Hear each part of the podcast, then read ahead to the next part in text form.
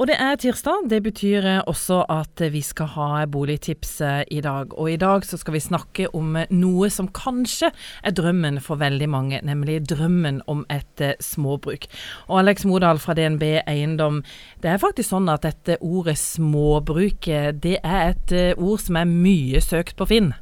Ja, det er faktisk det, det ordet som folk legger inn i søkefeltet oftest. Og helt klart at det er mange som eh, drømmer om bonderomantikken og det gode liv på landet, og, og, har en drøm om å kanskje kunne få kjøpt seg et eh, småbruk en gang i fremtiden.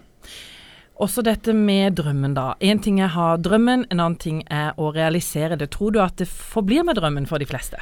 For de aller, aller fleste så gjør det nok det. Eh, det å eh, bosette seg på et småbruk er for folk flest veldig upraktisk. De ligger gjerne litt avsideliggende til. Det er lange avstander til eh, det livet vi eh, trenger å leve i forhold til jobb, barnehage, skole, infrastruktur osv.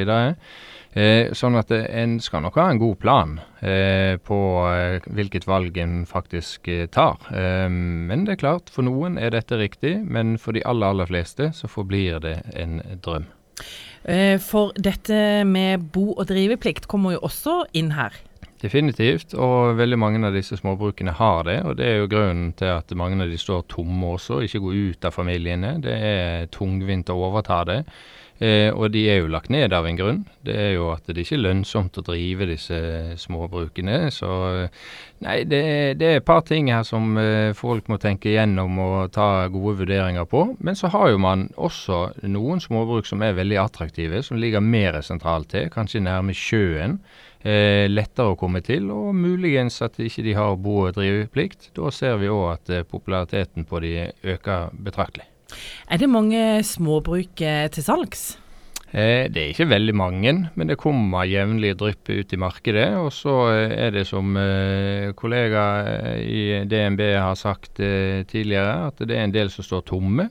Det er jo synd at flotte eiendommer står tomme og ubrukte og står og forfaller. Det er klart det. Hvis det finnes mennesker som ønsker å bosette seg på disse, så burde det eh, tilgjengeliggjøres. Men eh, sånn er jo eh, sånn det fungerer. Og så litt om dette med priser. For jeg leste et sted i går at eh, småbruk kunne man få liksom fra 800 000 kanskje opp mot 5-6 eh, millioner. Og jeg hadde jo i utgangspunktet trodd at 800 000 var en eh, lav sum for et småbruk. Ja, det er, og det er jo det også. Det er jo en rimelig inngangsbillett. Men da er det gjerne bo- og driveplikt, og huset har gjerne stått eh, 50-100 år eh, ubrukt, eller eh, i hvert fall veldig mange år. Og det er klart at, som jeg sa i sted, det er en grunn til at det ikke er aktivitet på dette, disse småbrukene. Det er ikke lønnsomt. Det er vanskelig å få eh, økonomien til å gå rundt.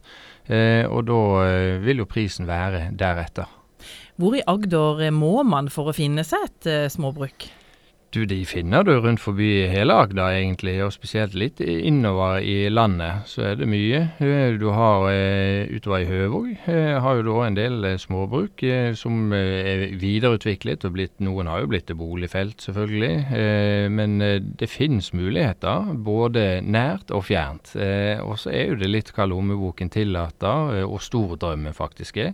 Men det aller viktigste er jo på en måte gjøre en avsjekk. Er det faktisk gjennomførbart, og vil det fungere i praksis i forhold til familieliv, infrastruktur, tilgjengelige fasiliteter osv.